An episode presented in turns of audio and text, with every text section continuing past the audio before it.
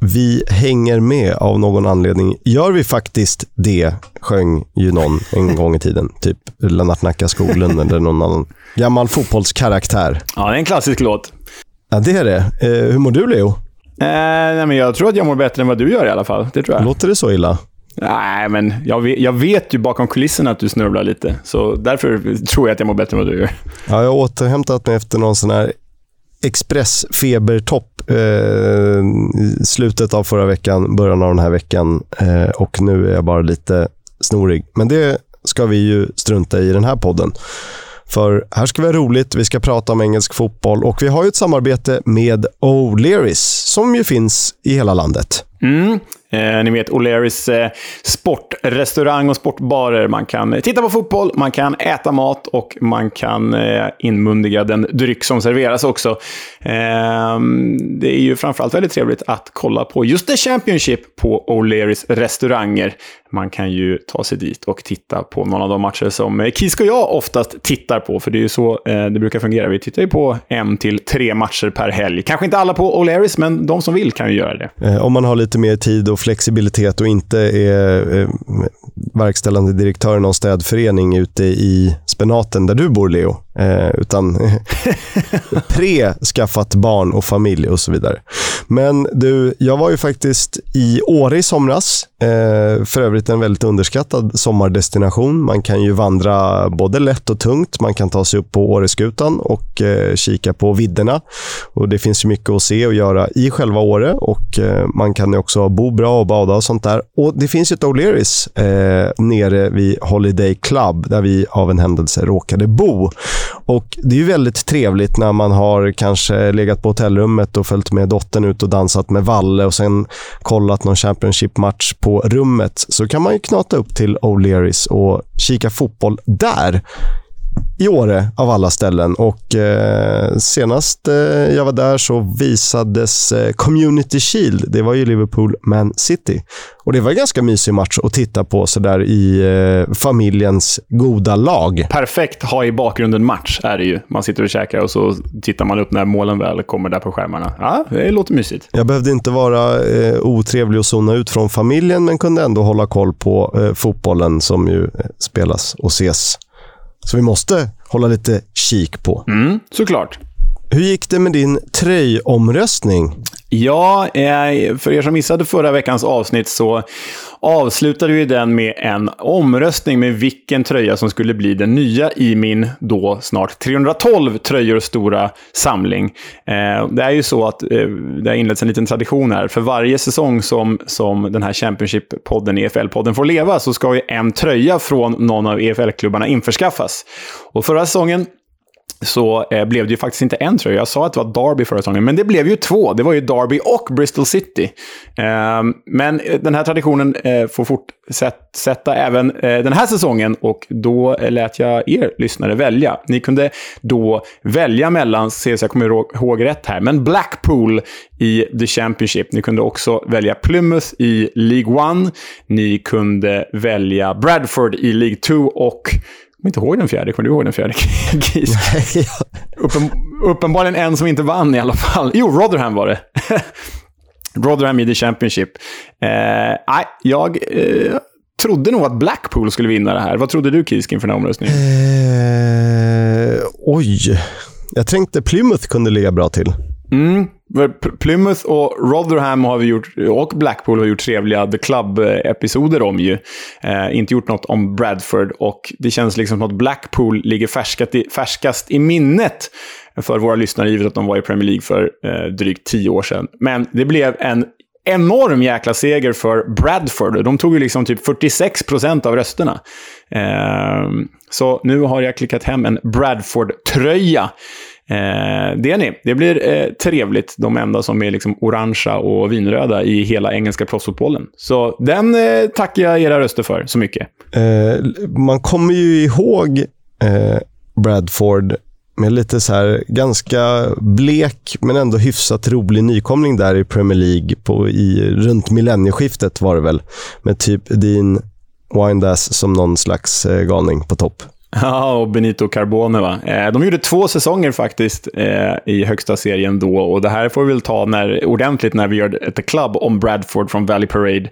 Men eh, ja, de gjorde två säsonger i högsta serien. Det är de enda säsongerna de faktiskt gjort i högsta serien, vilket är häpnadsväckande Kisk när man tittar på deras publikunderlag. För publiksnittet i League 2 just nu, det ligger på typ 6 000 personer, eh, 6 000 åskådare per hemmamatch. Men Bradfords hemmasnitt, det är 16 000. Jäklar. Så det är ju en enorm klubb på, på den här nivån. De skulle liksom vara en Championship-klubb typ. Ja, man visste ju ingenting om dem förrän de dök upp. För på den tiden var man inte så gammal och hade ju inte hunnit skaffa sig så bra koll. Men eh, kul grej med Bradford. Det får vi ju se till att göra ett specialavsnitt om och prata tröja, Valley Parade eh, naturligtvis. Mm, det, det, blir, det ser jag fram emot. The Bantams. Men nu har vi snackat färdigt, så vi säger eh, välkomna.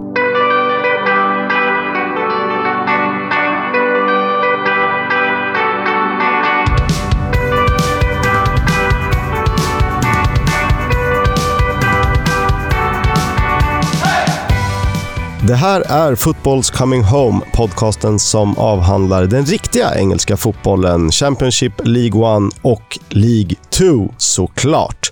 Jag heter Oskar Kisk och med mig har jag i vanlig ordning Leonard Jägerskiöld Welander. Poddens trippel efternamn, vilket vi tycker väldigt mycket om. Det vet ni vid det här laget. Eh, det är ju ingen omgång som har gått, i Championship i alla fall, som vi brukar lägga mest fokus på. Utan eh, det har blivit lite League One-fotboll och det tänkte vi att vi skulle titta till. Och sen en snabb djupdykning i landslagsuppehållet som har varit eh, med lite IFL-glasögon. Eh, men jag tycker vi börjar med League One. Vi har valt att fokusera på några matcher. I andra fall så tar vi bara resultaten upp och ner. Forest Green Rovers har det tufft som nykomling. Den gröna ekologiska veganklubben har ju bara vunnit två matcher på tio omgångar. De föll också hemma mot Exeter 0-4. Ja, och det här är väl lite oväntat, för Forest Green Rovers, trots att de är nykomling, har ju gått upp eh, som en raket genom seriesystemet, vilket de också fått kritik för. För att eh, de har ju liksom, det sägs ju att de har köpt sig upp genom seriesystemet. De har värvat, haft en plånbok långt större än sina konkurrenter. Eh, och sen är det ju en fin klubb på många sätt med att det är världens grönaste klubb och sådär. Men de har fått mycket kritik för att de har köpt sig upp genom seriesystemet och då trodde man ju väl på förhand att eh, de kanske skulle kunna etablera sig här i, i League One tämligen snabbt. Men så ser det ju inte ut. Och det kanske beror på att de tappade sin tränare inför säsongen till Watford, som vi ska prata mer om senare idag. Men eh, det är väl en floppstämpel på Forest Green Rovers så här långt, får man ju säga. Ja, det är väl lite, även om vi inte ska dra för stora växlar. De är dock inte sämst i serien. Eh, Giovanni Brown i Exeter gjorde 3 plus 1 i den här matchen och det är väl mycket mer matchvinnare än så kan man faktiskt inte bli. Nej, exakt. Och eh, ni som lyssnade på The Club om Plymouth eh, när vi gjorde det, det var någon gång i våras, eh, ni vet ju att Exeter är bittra rivaler till Plymouth. Så om ni är som jag och håller en tumme för The Pilgrims, då buar ni när ni ser det här resultatet. Eh, Giovanni Brown har ju gjort sex plus eh, fyra den här säsongen, så att han är ju en, eh, en av de mest eh, poängstarka spelarna i hela serien. Ja, det är ju ytterst imponerande, det får man ju säga. Jamaican är han också, vilket gör honom ännu mer älskvärd.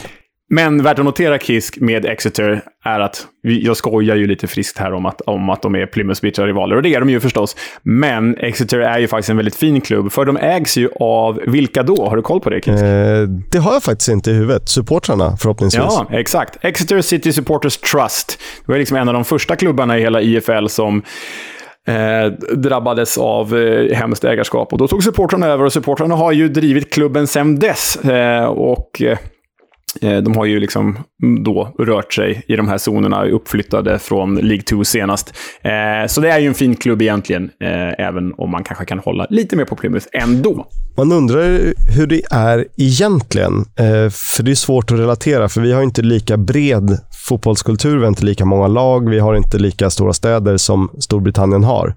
Så att, och fotbollen är inte kultur och djupt rotad på samma sätt som den är i Sverige, så det går inte att jämföra att Torns IF skulle vara något Exeter på något sätt.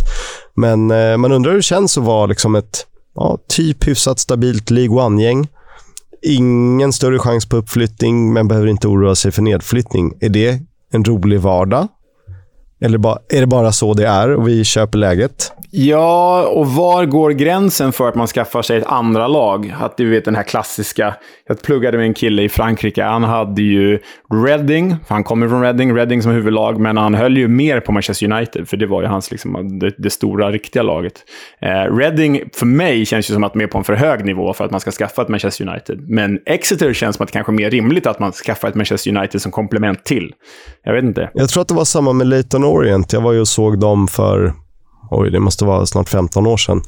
Eh, där var min upplevelse från de jag pratade med och andra svenskar som har eh, bra koll på dem, att eh, de var liksom det lokala laget. Så var du från Leighton, eh, Stone och liksom trakten kring, så höll på Leighton Orient.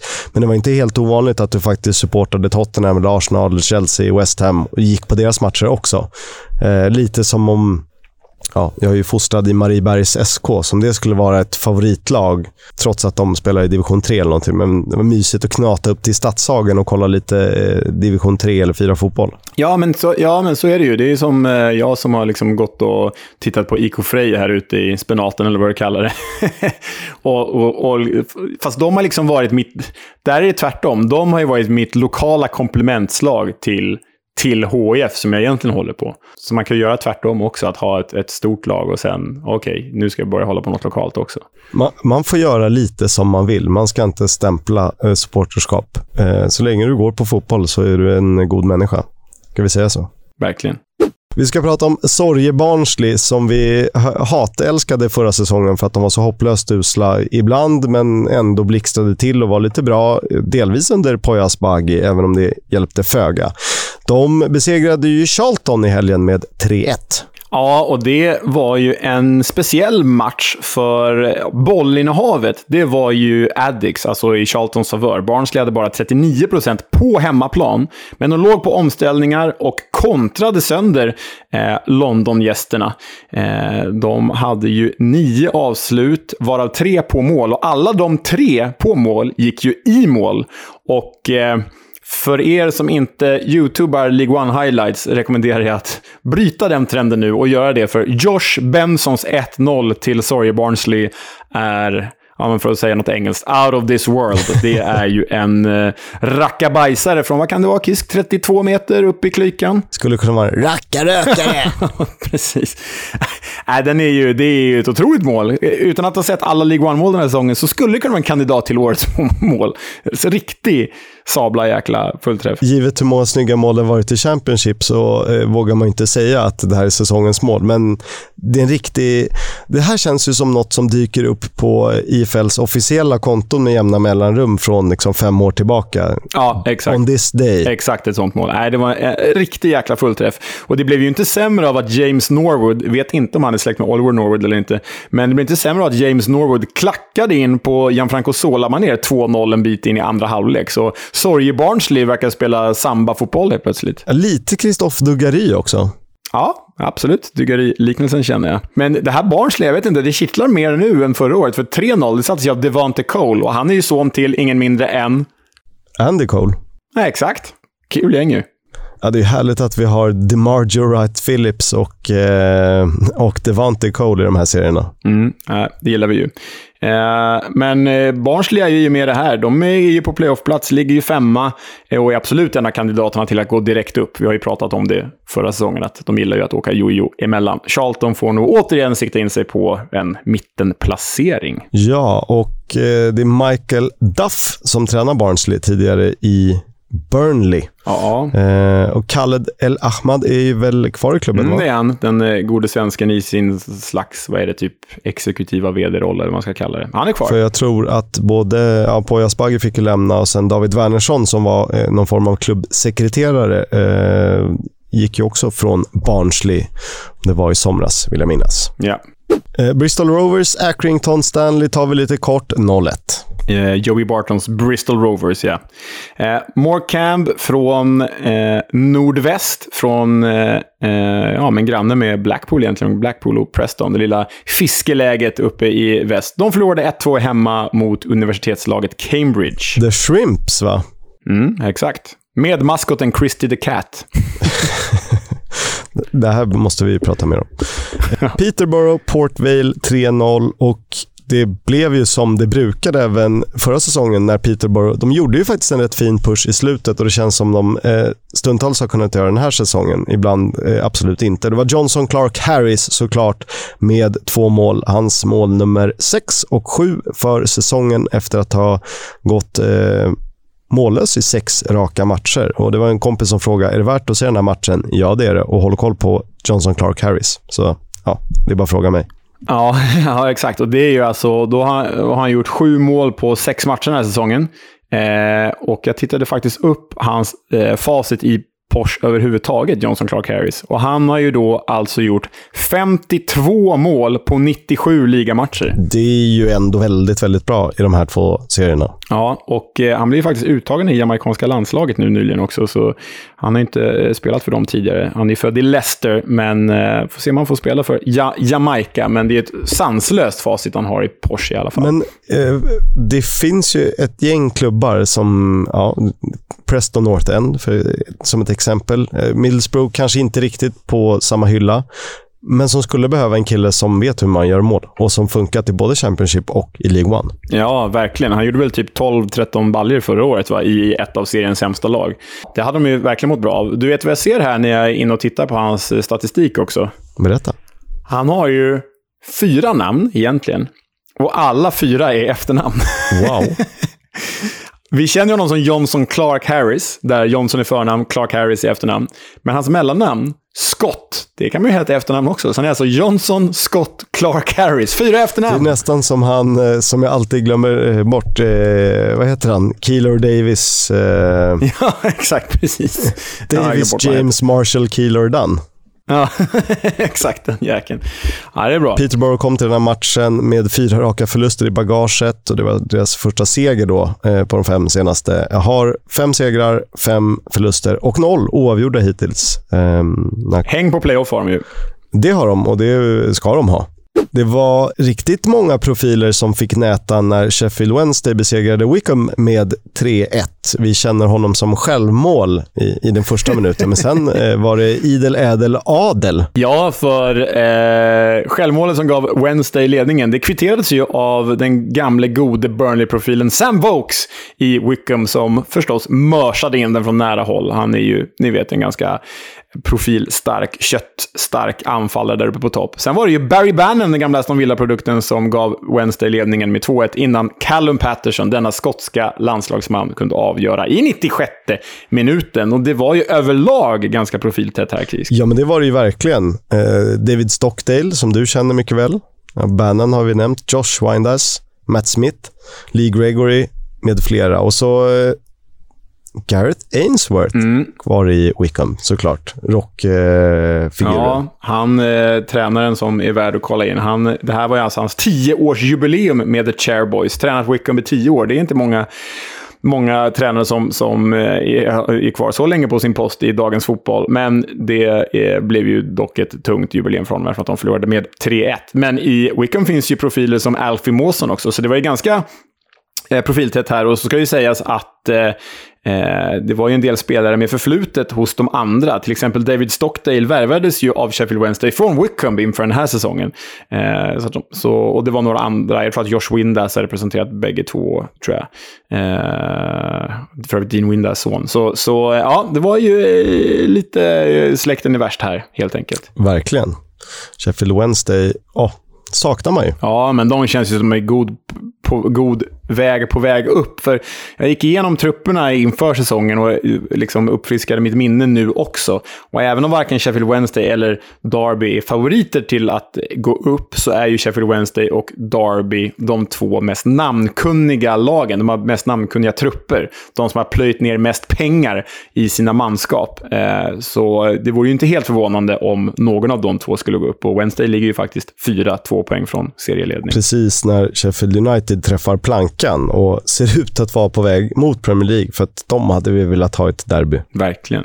Shrewsbury slog Burton med 2-1, vilket betyder att Burton är fastsvetsade i botten av League One. De har en seger, en oavgjord och åtta förluster efter tio omgångar och det ser helt hopplöst ut. Ja, och Jimmy Floyd Hasselbank fick ju sparken för någon vecka sedan såg jag den gamle gode Chelsea-profilen. Eh, men det, det, är ju ganska många dåliga lag där nere i botten. Så var det förra året också. De har ju faktiskt bara fyra poäng upp till säker mark, så det kan ju gå ganska fort. Det kan det definitivt göra. Det var lite uppskjutna matcher eh, på grund av landslagsuppehållet, eh, men på söndagen spelades eh, matchen mellan Plymouth Argyle och Ipswich Town. Och jag såg den faktiskt efterhand eh, med tanke på den grova fotbollsabstinens som jag ådrog mig under uppehållet. Eh, 2-1 blev det och det fanns ganska mycket att ta med sig. Bland annat störde jag mig på att det var en eventuell kit-clash. För eh, Plymouth spelar ju i mörkgröna tröjor och även gröna strumpor med vita shorts. Och Ipswich i blåa tröjor, vita shorts och blåa strumpor. Och är det lite sådär soldränkt så ser man inte skillnaden så bra. Nej, för det är ju mörkt blått på Ipswich då. Ja. Nej, det, det, jag har bara sett highlightsen från den här. Men, men eh, ja, det var ju lite, rö lite rörigt. det kan jag förstå att man kunde tycka hemma i soffan. Eh, och eh, i och med segern för Plymouth så tog de över serieledningen från just Ipswich, eh, som var deras första förlust för säsongen. Eh, och Ska man prata om spelare som stack ut, så Bali Mumba. Han är eh, utlånad från Norwich. Han är ytterback och har väldigt mycket fotboll i sig. Han spelar i Argyle. Väldigt opolerad men, och inte alltid rätt beslut, men härligt orädd på något sätt med eh, olika snurrfinter och klackar och tunnlar och sånt där. Och eh, Det var hans blott andra ligamål i karriären när han kvitterade för Plymouth. Eh, Freddie Ladapo hade ju givit Ipswich-ledningen. Ja, det var ju ganska bra jubel. Jag såg highlight med Plymouths kommentatorer där. De är förstås partiska, men det var ett jäkla ös när de gjorde både första och sitt andra mål där. Så det är roligt när man får hamna på de här klippen med de liksom hemmakommentatorerna. det är lätt att man blir färgad. Det, det är liksom, highlighten upplevs bättre än om den är okommenterad. Verkligen. Eh, sen är det ju en galen avslutning där målvakten i Ipswich, Christian Walton, som ju är fostrad i Pilgrims och uttalad Argyle-supporter. Han nickar eh, i ribban och det är efter att eh, motståndarmålvakten Michael Cooper i Plymouth-målet räddat den, touchat den med fingrarna upp i ribban. Det var ju en 2-2 av en målvakt eh, mot laget han hejar på hade ju varit en galen avslutning. Ah, det, hade varit helt, det hade varit helt sinnessjukt. Sen är det ju lite eh, tufft för Ipparna här, The Tractor Boys. Så de förlorar alltså toppmötet mot Plymouth och nu i helgen så möter de Pompey.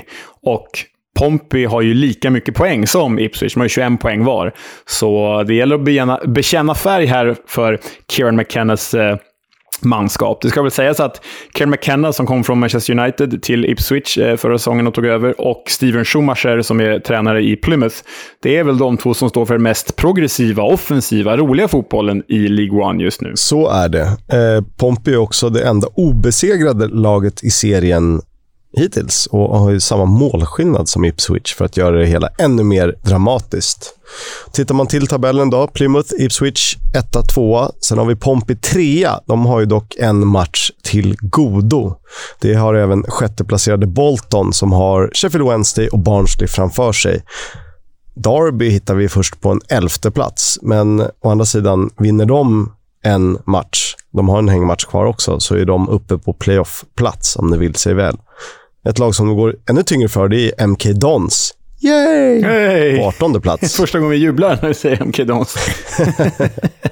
Nej, men, nu, nu är säsongen lång, men det här, och Sunderland har ju gått upp, de är ju inte kvar. Det vet vi. Och vi gillade ju League One förra säsongen, men det finns ju många lag att gilla och många klubbar att gilla i League One den här säsongen också. Jag menar, skulle någon av Plymouth, Ipswich, Portsmouth, Sheffield Wednesday, Bolton, Derby, Charlton, eh, missar säkert någon. Skulle någon av dem gå upp till The Championship, det är ju, det är ju ytterst välkomna klubbar allihopa. De är roliga på sitt sätt, hela gänget. Ja, det, det är verkligen en addition eh, som behövs.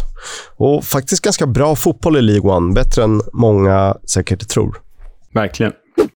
Lite kort om landslagen då. John Egan har visat framfötterna för Irland. Eh, de föll dock mot Skottland med 2-1. Han blev tröstmålskytt i den matchen. Ja, och eh, Sen kan vi ju säga då att det gick överlag eh, ganska bra för Skottland överhuvudtaget, för sen lirade de 0-0 mot Ukraina, vilket gjorde att de tog en ganska prominent placering i Nations League. Så kul att det går bra för skottarna. Irland vann den andra matchen mot Armenien med 3-2. John Egan gjorde första målet.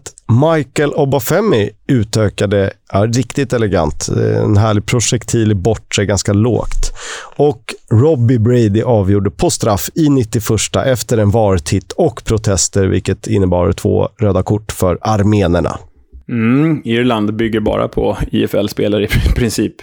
Eh, Serbien-Sverige vet vi, behöver inte fördjupa oss i mer än att eh, Viktor Gyökeres startade och sen fick han ju även hoppa in mot Slovenien. Så eh, kul med speltid för Gyökeres. Tyvärr såg det inte speciellt bra ut. Han är bättre i Coventry än i landslaget hittills. Eh, Callum Styles, also known as Budapest Baggio, eh, agerade inhoppare i Ungerns två matcher när de besegrade Tyskland och föll mot Italien. Ja, de, det verkar vara något ungerskt fotbollsunder på gång här. Eh, det finns väl inte, några, inte jättemånga superstarka namn där, men Dominik Soboslaj och Peter Gulashi som ändå spelar på hög nivå i Bundesliga. Men sen är det ju liksom Callum Styles där och härjar med, med, med lag som faktiskt eh, eh kan mäta sig med, med eh, Tyskland och, och eh, Italien. Det tror jag inte att han trodde när han åkte ur med Barnsley våras, att han skulle vara med och slå Tyskland helt plötsligt. Jag tror jag inte. Eh, Wales föll i två matcher, både mot Belgien och Polen. Sen kan vi nämna att Daniel Sinani, luxemburgaren, eh, plus nordirländska trion Gavin White, Josh McEnnis och Shane Lavery alla blev målskyttar i Nations League. Är det något mer vi har glömt? Jag vet ju att Ilyas Shahir gjorde något kort inhopp, va? Sen Dieng spelade. Ja, äh, vi kan ju inte gå igenom alla som varit på, på landslagsuppdrag, men det finns ett gäng profiler som ändå färgar i sina landslag, inte bara i The Championship. Har vi glömt något så ber om ursäkt på förhand, men vi säger att det är Championship vi vill åt. Det är League One vi vill åt. Ligafotbollen tillbaka. Det florerar en hel del rykten. Alltså om spelarnas silly season är under sommaren så är ju tränarnas eh, silly season precis när säsongen sparkas igång. För oj vad det händer grejer och det eh, försvinner trä tränare till höger och vänster eh, oaktat om det uppehåller eller inte. Det pratas ju om att Chris Wilder kan vara en aktuell kandidat för Bournemouth. Ja, och det vore ju... Nu har det inte börjat bra för Middlesbrough, men det vore ju ett eh, dråpslag för eh, Middlesbrough som skulle bli av med vad vi har kallat för seriens bästa tränare ändå. Men jag läste så sent som igår att eh, det har upp, tydligen uppstått en schism mellan Chris Wilder och Middlesbroughs eh, ägare och ordförande, som jag tappar namnet på eh, precis. Men, eh, men det är ju inte ett bra läge för Borough. Då kanske är det lika bra för Chris Wilder att eh, lämna klubben och eh, släppa fram någon annan Scott Parker-figur kanske. Det kanske kan vara det. Men kanske det blir ett rakt byte. Ja, det skulle bli i så fall. Eller så har vi ju Carlos Corberan till exempel. Steve Gibson heter ju klubbägaren. Steve Gibson och Chris Wilder ska tydligen inte komma särskilt bra överens. Eh, så det kan ju vara en anledning till att det här ryktet har uppstått. I andra tränarnyheter så eh, spelade vi ju in ett avsnitt förra veckan där vi sa att Rotherhams tränare Paul Warren ryktades till eh, Huddersfield och Derby. Och typ minuten efter att vi hade publicerat samma avsnitt så blev Paul Warner klar för just Derby.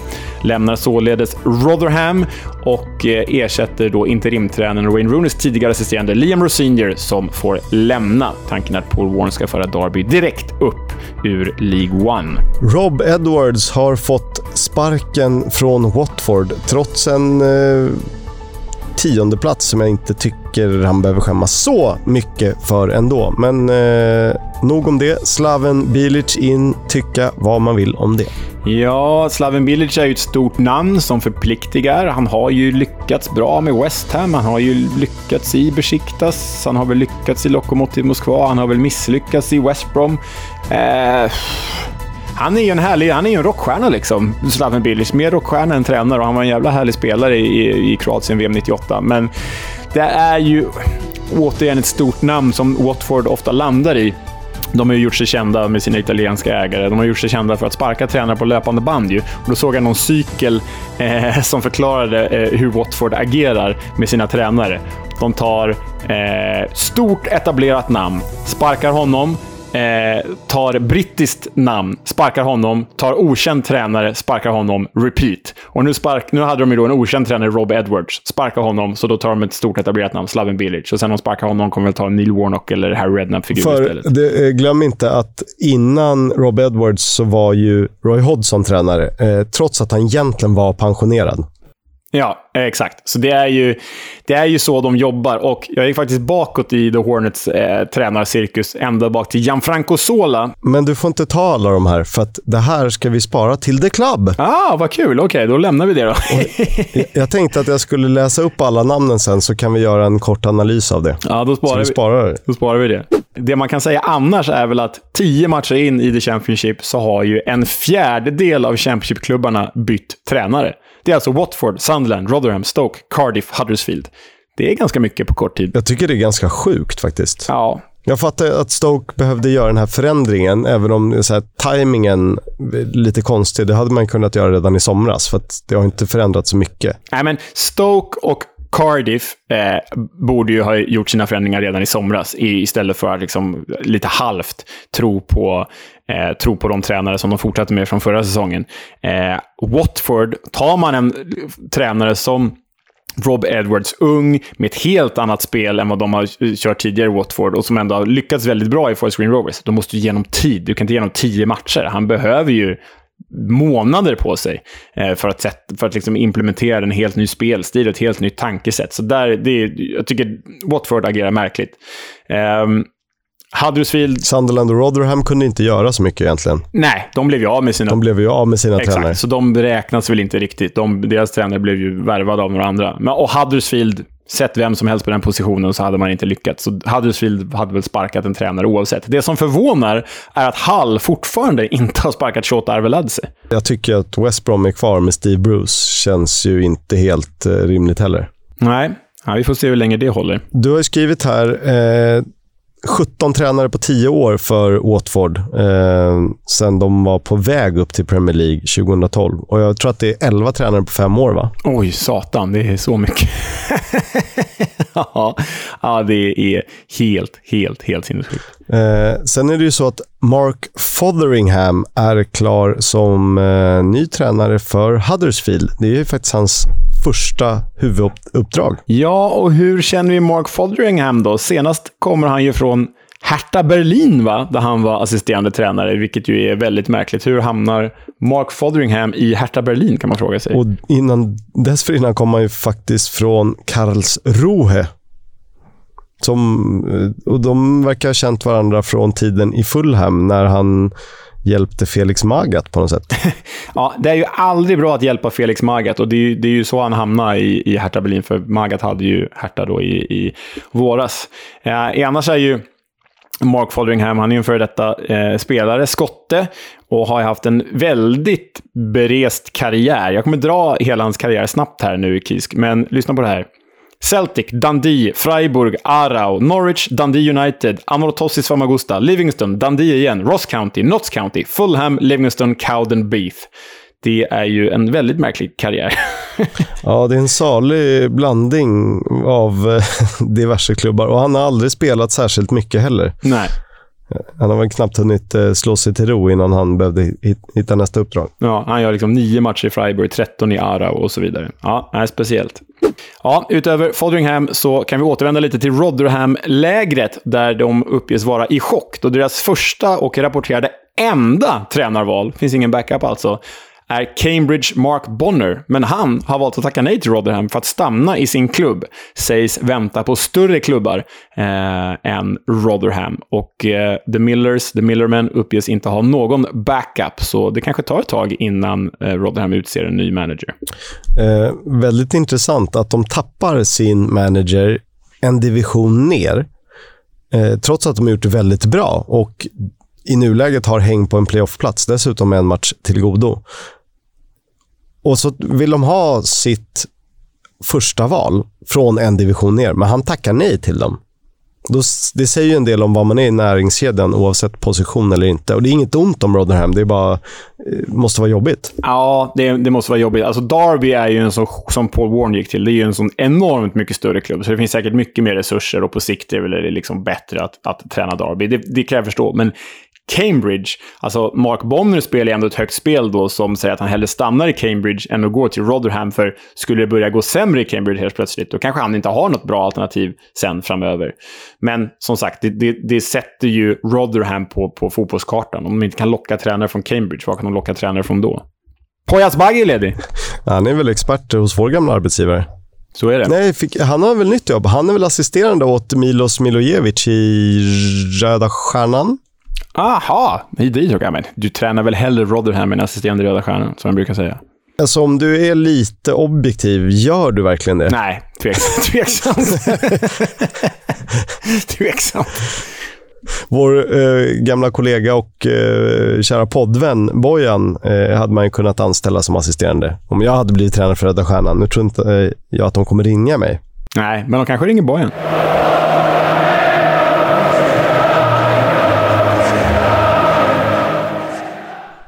Fotbolls Coming Home sponsras av Stryktipset, ett spel från Svenska Spel, Sport och Casino. För dig över 18 år. Stödlinjen.se. Många roliga matcher på en väldigt intressant kupong. Eh, bland annat så helgarderar jag Blackburn Millwall där jag hoppas på spelvärde hos bortalaget. Eh, givet dåliga statistiken, för Blackburn. Och i match 7 mellan Bristol City och QPR väljer jag att spika ettan. Förra säsongen var ju Ashton Gate allt annat än ett fort för The Robins, men det ser annorlunda ut nu med en av seriens bästa offensiver, Weimann som dirigent bakom Wells och Conway och Semenyo i rotation, möter en formstark stjärnduo i Shair och Willock, som dock nästan alltid är skadade. Och dessutom en pånyttfödd norrman i Stefan Johansen. Det här tror jag är en potentiell jättematch. Håll ögonen på den. Vad har du koll på i helgen, Leo? Ja, men jag håller ju faktiskt med dig. Om jag skulle välja en match att titta på hela helgen, då väljer jag Bristol City Queens Park Rangers, givet underhållningsvärdet där. Men du har ju redan tagit den, så då vill jag bara lyfta fram fredagsmatchen. Återigen fredagsmys. Hull City mot Luton Town. Eh, den känns ju riktigt härlig på förhand. Det känns som att eh, Luton kan massakrera Tigers. Eh, eh och där står ju du och jag i varsitt läger, Kisk. Du är ju en Hatter och jag är ju en Tiger, så det kan vara lite kul. kan vi sms-bråka. Ehm, på lördagen eh, finns det ju faktiskt fina fighter. Jag tror att jag framför allt kommer eh, hålla koll på Sunderland mot Preston, om vi bortser från Bristol QPR-matchen. Och kanske inte för att Preston bjuder på så mycket eh, underhållning, men för att Sunderland känns ju så härliga och goa även under Tony Mowbray, så de vill jag lyfta. Och sen har vi faktiskt en söndagsmatch också. Stoke City mot Watford skulle kunna vara ett Premier League-möte, är det inte, vilket är extra roligt. Bra sammanfattning. Det finns mycket att se fram emot. Jag är ju eh, på resande fot, men jag ska leta upp någon lämplig pub som visar Championship i Rom. Mm, det, det, I Rom finns det ju annan sorts fotboll som är trevlig också. Men du, nu har det blivit dags för något annat trevligt. Det blir dags för The Club. Du ska ge oss The Hornets och Watford.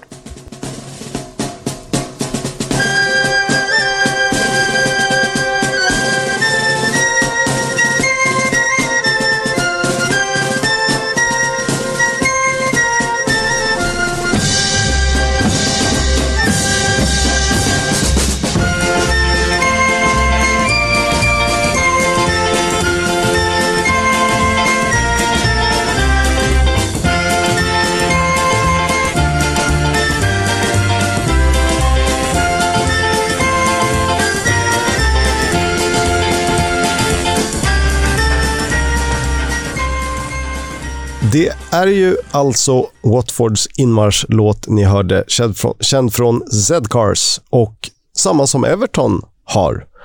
Och eh, det har inte varit helt säkert, för under en kort period så fick den en ersättare i den här klassiska dängan.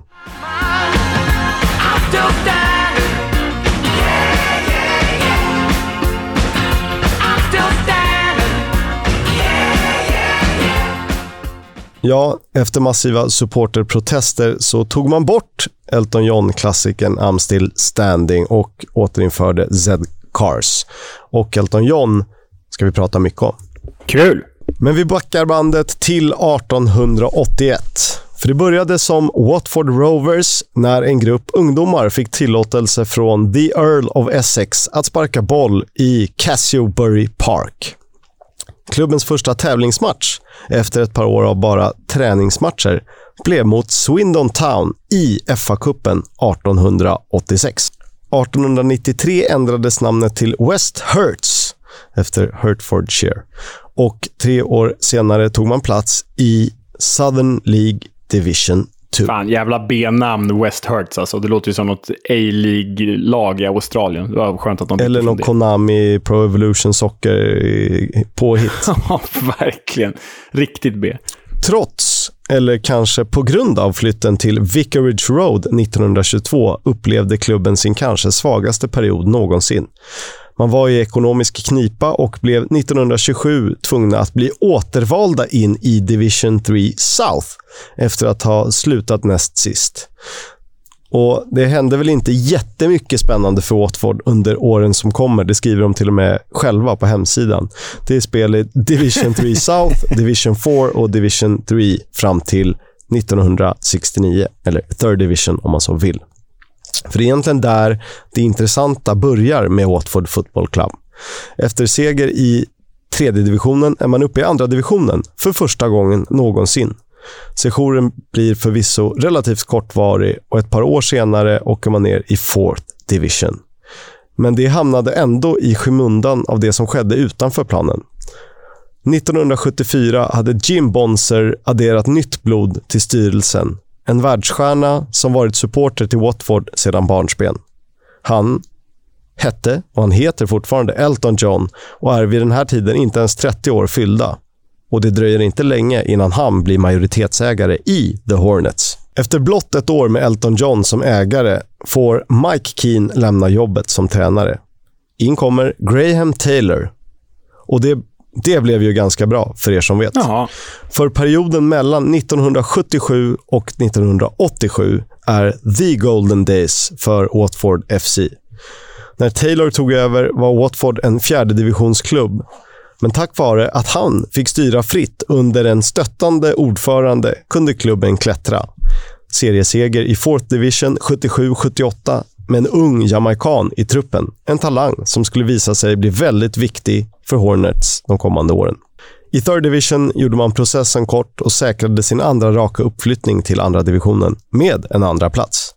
Och trots att Luther Blissett, den lovande jamaikanen alltså, presterade i Second Division blev det tuffare för Watford. En bottenplacering följdes upp av en nionde plats innan det var dags för Promotion Party igen. Wrexham clinched Watford's remarkable rise from the fourth division to the first in five seasons.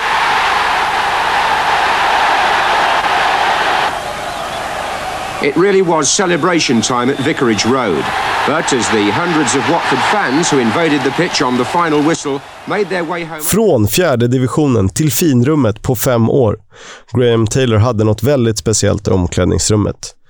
Eh, även om han själv inte riktigt visste vad Watfords style of play var, om det nu spelar någon roll.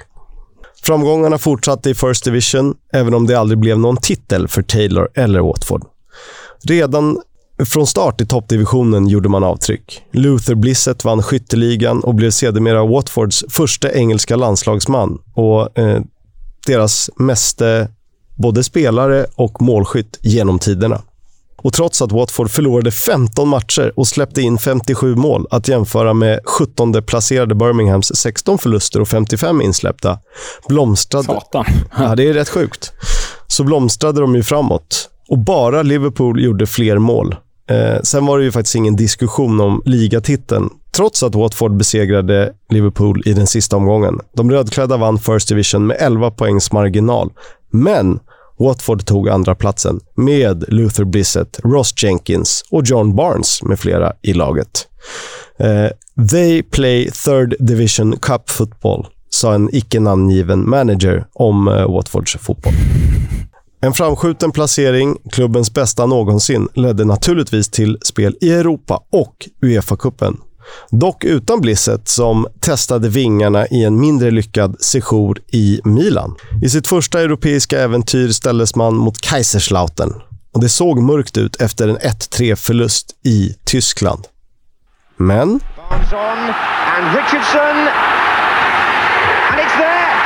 Ian Richardson, on his first team debut for Watford, has scored after four minutes the early goal they wanted.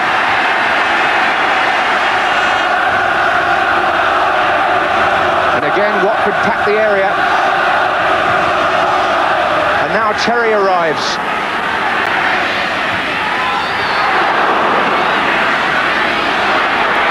Rostrom feels for a foul by the crowd. Here's Palmer.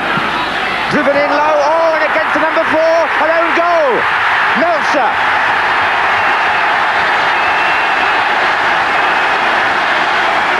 It's 2 0, and the aggregate is level. This is Johnson. Played in early for Richardson to slide in. Well, I'd say. What a brilliant goal, his second of the match. And it looked so simple, but it was Watford vände på steken hemma på Vicarage Road i vad som beskrivs som ett av klubbens största ögonblick genom tiderna. Eh, sedermera slog man även ut Levski Spartak Sofia innan Sparta Prag visade sig för tuffa. Fan vad, fan vad eh, kul det är att vi, vi ändå eh, pikar Kevin här lite subtilt genom våra The Club och bara slår ut massa tyska lag hela tiden. Det tycker jag vi ska fortsätta med. det kanske också säger något om näringskedjan, att det är eh, engelska lagen jublar när de slår ut tyskar för att det är någon slags fotbollsmässig storebror. Ja, jo, så är det väl. Ligaspelet bjöd inte på någon större glädje säsongen som gick då. Men i FA-cupen så såg det finare ut. Luton, Charlton, Brighton, Plymouth innan en historisk final på Wembley. Watfords första FA-cupfinal med Elton John i tårar på läktaren i en match där endast två spelare var äldre än 27 år. Och Jag tror att det är till denna dag den yngsta FA-cupfinalen någonsin. Ja, häftigt. Referee John Hunting, whose last match it is before retirement. And as Riley and Johnston wait to start the final, Graham Taylor with John Ward to the left of the picture, Billy Hales to the right. So all is prepared, and Watford in the yellow shirts and red shorts start the 1984 FA Cup final, playing from left to right, just six years after coming out of the fourth division. Ett väldigt, väldigt bra Everton blev alldeles för tufft mot ett skadeskjutet Watford och Hornets började sakta men säkert få det kämpigare, även om man var ett mittenlag kommande tre säsonger i First Division. Men Graham Taylors sorti och Elton Johns försäljning till tidigare West Ham-bossen Jack Petchy, det fick konsekvenser. Det hann dock inte gå ett decennium innan både Elton John som ägare och Graham Taylor med sportsligt ansvar var tillbaka. Och trots att Watford 1996, för första gången sedan 1979, skulle spela tredje divisionsfotboll blåste det positiva vindar i klubben. För exakt 20 år efter att Graham Taylor löst två raka uppflyttningar upprepades succén. Watford vann Second Division och säkrade en playoffplats genom att sluta femma i First Division det som senare blev Championship. Ett eh, tight semifinalmöte med eh, Birmingham. 1-0 hemma, 0-1 borta. Det gick till straffar och det krävdes åtta omgångar innan Alon Hazan, numera israelisk förbundskapten, kunde bli matchvinnare tillsammans med Chamberlain i mål. Och samme Chamberlain testades även i finalen när Bolton och Watford möttes på Wembley. Men det man kommer ihåg är ju Nick Wrights suveräna ledningsmål. En elegant cykelspark till 1-0 och närmare än så kom aldrig Bolton och Watford kunde utöka till 2-0 och uppflyttningen var ett faktum. You could not write a story like this one. Watford will play Premiership football. Well, they could have danced all night, I would have thought. It's 39 steps to the Royal Box, but not even Bucket at his best could have written a story like this one for Robert Page of Watford and Wales. The proudest moment of his life. It means one thing. It's the Premiership for Elton Johns tailor-made army. Den sessionen i finrummet blev bara ettårig och utanför planen hamnade Watford i ekonomiska problem. Man var en hårsmån från konkursförvaltning, men lyckades undvika det, bland annat genom att spelartruppen och ledare gick med på att sänka sina löner.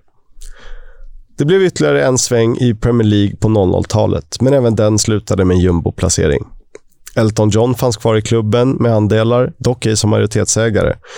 Och 2012 skedde en av de största förändringarna. Lawrence Bassini sålde klubben till Pozzo-familjen. Gianpaolo Pozzo hade ju redan styrt Udinese, trots alla sina skandaler, i ett kvarts sekel.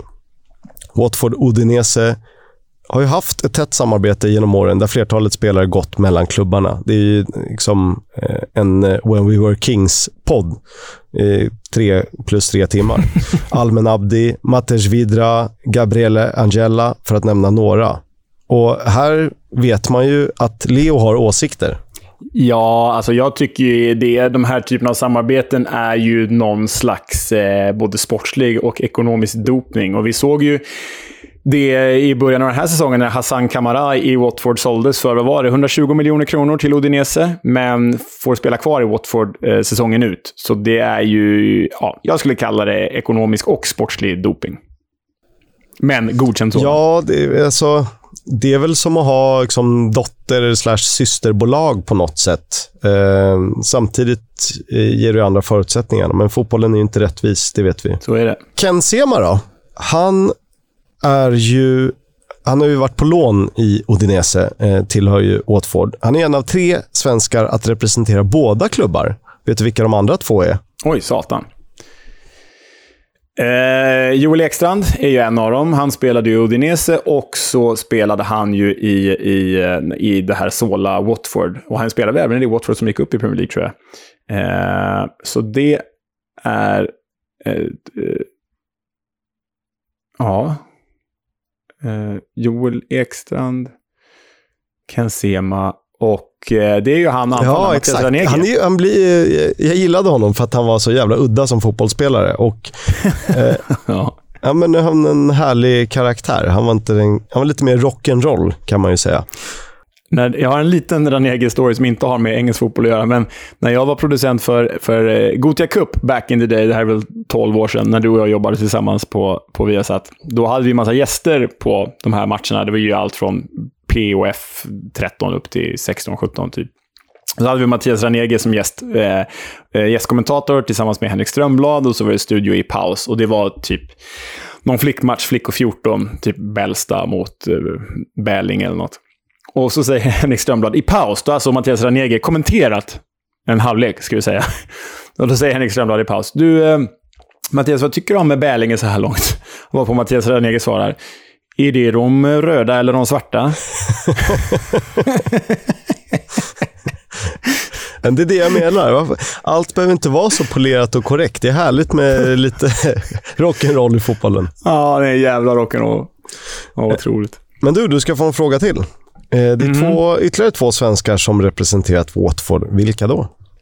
Oj, eh, vilken bra fråga. Ytterligare två eh, Det känns som att jag kanske borde ta de här, men jag, jag, jag kommer inte på nu. Jag var så nöjd med att ta, ta eh, Mattias Ranege där som komplement. Och kan vi säga så här. En ja. eh, har eh, vi pratat om i den här podden, har tillhört Watford, men ju aldrig spelat i klubben. Så vitt jag vet, ingen ligamatch i alla fall. Mm -hmm. Vi pratar... Ja, ja, men det är ju Pontus Dahlberg förstås. Ja, Exakt. Ja. Sen har men den vi... sista kommer jag inte på. Ja, ge mig en ledtråd. Eh, du tyckte nog väldigt mycket om honom under en viss period. Eh, och han var ju väldigt kort tid i Watford. Och det har hunnit gå mer än tio år sedan. Är han en gammal hif eller? Nej, jag vet inte. Okej, Alexander Kacaniklic. Ja, just det. Den gode Alexander Kacaniklic. Han var ju där på lån. Det har du rätt i. Mm. Det var en, två månader.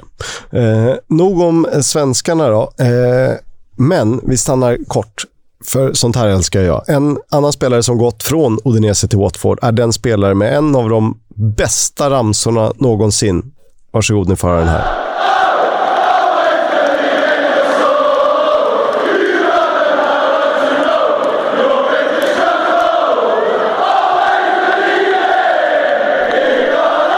Odion Igalo till, eh, till tonerna av Spandau Ballets klassiker eh, Gold. Eh, han spelade dock inte när jag såg Watford mot Barnsley på Vicarage Road i mars 2014. Stabila 3-0 och en lång och trevlig promenad i ett väldigt mysigt område. Eh, mitt kort blev ju naturligtvis skimmat, men vad gjorde det när man kunde stå i solen på bakgården på Oddfellows i t-shirt i mars? Ja, det låter underbart. Och på tal om just Vicarage Road. Sir Elton John Stand stod ju färdig 2014 efter att ha varit under renovering eh, just när jag var där. Vi satt faktiskt på Graham Taylor Stand som fick sitt namn 2012 eller något sånt där, minns jag. Eh, småtrevlig arena, helt okej okay. tryck är väl kanske en liten överdrift, men ändå liksom eh, inget för historieböckerna. Eh, det känns väldigt familjärt överlag, eh, tycker jag. Eh, det är det bästa ordet. Jag tror man förstår. Och det är liksom småtrevlig. Det är ju ingen läktarupplevelse, men om man ändå är i Londonområdet och de spelar hemma kan man ge sig dit. Det är kul att se något annat. Var så jag tänkte i alla fall. Ja, Ja, men det är, det är helt rätt tänkt. Man ska alltid se allt. Och som jag minns det så blev Troy Deeney målskytt när jag såg Watford. Och han är ju deras stora figur under perioden 2015 till 2020 när man då etablerar sig i mitten nåja, eh, av Premier League och 2019 faktiskt når FA-cupfinal men faller tungt mot Man City med 6-0. Sen åker man ur säsongen därpå, upp igen direkt och ner igen på vändande. Och lite varning för ett nytt jojo-gäng alla Fulham Norwich om de nu skulle klara sig upp igen. Ja, skillnaden på Watford och de andra två är väl det känns som att Watford har mer pengar att tillgå. De har samarbetet med Udinese, eh, men så har de framförallt en megalomanisk ägare. Fulham och framförallt Norwich känns ju mer liksom stabila i, i, i toppen. Ja, jag vet inte. Jag, det är väl kanske lite läget att säga. Jag ser att de kanske har svårare att locka till sig de eh, större namn än vad till exempel Fulham har. Samtidigt är det ju, varför jag spelar med 27 på ryggen, det var ju delvis för att det inte fanns så många lediga nummer i mitt nuvarande lag, men också för att Marco Cassetti, eh, italienaren på vift i Watford, otroligt eh, oklar övergång, men fantastiskt underbar på samma sätt. Eh, han fick ju nummer 27 i Watford, eh, som någon slags mittback, i, eh, höger mittback. Han som drog på sig... när han blev för långsam för att vara Han som ytterback. drog på sig straffen mot Anthony Nocker i den här klassiska Watford-Leicester-kontringen. Exakt. Ja. Mm. Exakt, och det första jag träffade eh, när jag klev av, det var, ja, vi åkte med någon form av pendel slash eh, liksom regionaltåg, var ju två italienare som hade åkt för att se eh, Marco Cassetti spela i Watford och vi pratade länge om det. Sen har ju Alessandro Diamanti, min, min hårlige gud, eh, representerat Watford mm, också. Många italienare har varit där ändå. Hur ser det ut med rivalitet då? Ja, Hertz-Beds-derbyt, eller The M1 Derby, eller Rigby Taylor Cup som ju spelades mellan Watford och Luton för att visa upp det fina i en vänskaplig rivalitet. Och Jag tror liksom att... Eh, jag tror snarare att det inte går att hata Watford eh, än vice versa. Eh, för det, det är svårt att tycka illa om på något sätt. Inga jätteskandaler genom åren. Eh, inga skandaler. Men rätt trevliga spelare som har kommit fram genom åren också. Typ Ashley Young och David James och sådär. Det har ändå haft några sympatiska engelsmän som kommit upp genom egna leden. Så är det. Eh, men du, jag har en fråga till. Varför kallas eh, Watford för The Hornets? Det vet ju du. Jag antar att det har med att de är gula och svarta och ser ut som getingar. Liksom. Men ja, det, det, är min mest kvalificerade gissning. Det stämmer. Eh, det började ju som The Brewers en gång i tiden för att eh, det var ett bryggeri som ägde eh, marken där de spelade. Eh, och så har de kallats The Blues en gång i tiden när de eh, hade blåa tröjor. Och men de har ju inte någon Hornet i emblemet. Vad har de? Nej, Nej, det hade de ju förut. På 70-talet var extremt ful, ful geting. Någon Willie the Wasp, eller vad fan han hette. Men nu är det ju en Hart för Hartfordshire. Men de försökte ju faktiskt byta klubbmärke, eller de röstade ju om att byta klubbmärke förra säsongen. Eh, och då kom det ju förslag, jag tror att supporterna fick göra egna förslag, och så röstade de mellan nuvarande och typ tre inskickade. Och det var ju getingar som var inskickade, om jag kommer ihåg rätt. Men eh, supporterna röstade för att behålla eh, The Heart. The Heart. Någon slags stag. En... Eh Exakt. Är, är det en hjort, va? Eller? Ja, ja precis. Jag som inte är naturvetare. Eh, som avslutning, vi pratar om det här med tränare eh, och om jag bara får dra den här listan med namn, så är det ju en helt otrolig skara med tränare från typ 96 och fram till 2021. Kenny Jackett, Graham Taylor tillbaka, Gianluca Vialli, Ray Lewington, Eddie Bothroyd, Malky Mackey, Brennan Rogers, Malky igen, Sean Deitch, Gianfranco Sola, Giuseppe Sanino, Oscar Garcia, Slavisa Djokanovic, Kike Sanchez Flores, Walter Mazzarri, Marco Silva, Xavi Gracia, Kike igen, eh, Nigel Pearson, Vladimir Ilic, Cisco Munoz, Claudio Ranieri, Roy Hodgson. Alltså, det är ändå Watford en timme utanför London. Vad är det för namn? ja, jäklar vad de har plöjt ner pengar i det här. Alltså hur många tränare avlönar de samtidigt undrar man ju. Är det en sex stycken? Ja, sjukt. det är väl kanske inte, kanske inte tränarna det är fel på då heller. Nej. Lex Stoke. Nej, ja, herregud. Alltså, för det här är ändå ganska många som gjort det bra på andra ställen internationellt också. Sen är det några fullständiga frågetecken också, ska det sägas. Men, men eh, ja, det är en imponerande lista där. Men man ser lite så här, eh, nu kanske inte var så många britter som man men ser, men så här, Mazzarri, jättenamn. Marco Silva, ändå lite mer up and coming. Javi Gracia, lite lite mer okänd för allmänheten. Och så är det Kike Sanchez Flores igen. och sen är Nigel Pearson. Där kom britten in. Nej, men vi testar Vladimir Ilic. Ja, fan är det liksom? Och sen Ranieri och Hodgson för att säga, vi behöver någon stor etablerad för att säkra. Nej, det är otroligt. Eh, det var eh, kort om Watford, eller inte så jättekort. Eh, trevligt om man tajmar bra väder när man är där. Eh, så min upplevelse är ju eh, väldigt positiv, även om jag ja, eh, inte kunna använda mitt kort under resten av resan. Men en komplettering till ett North London Derby, kanon. We'll have a chat about the fucking game.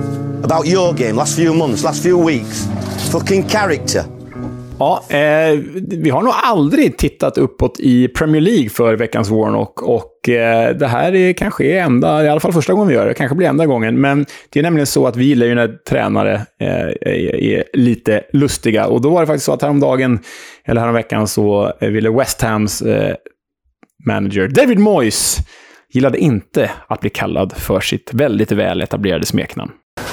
Uh, Moisey, how was your reception? Uh, Moisey? yeah, okay, I don't think we're that close. anyway, uh, uh, no, we didn't play well. Kisk, vad, vad, vad, säger du? Är han lite för sur där eller? Ja, men hela det här segmentet bygger på någon slags passive aggressiveness. Eh, så att eh, man får gärna vara så här älskvärd. Eh, Även om det kan uppfattas lite. Han blir väldigt arg. Ja. Och det är inte så här Sean Deitch tar upp telefonen och driver med det. Nej, utan han, han tar... Han, det är ju garv, men han tar nog illa vid sig på, på, på riktigt. Liksom. Och det här passive aggressiveness, det känns ju väldigt David Moyes. känns väldigt eh, Neil Warnock också, ja, faktiskt. det gör det. De är ju stöpta i, i samma skosulor. Det är de. Ja. Det var veckans avsnitt. Eh, vi höll det inte riktigt under en timme. Eh, det lyckades, lyckas vi ju aldrig med. Eh, vi får väl se om vi gör det nästa gång.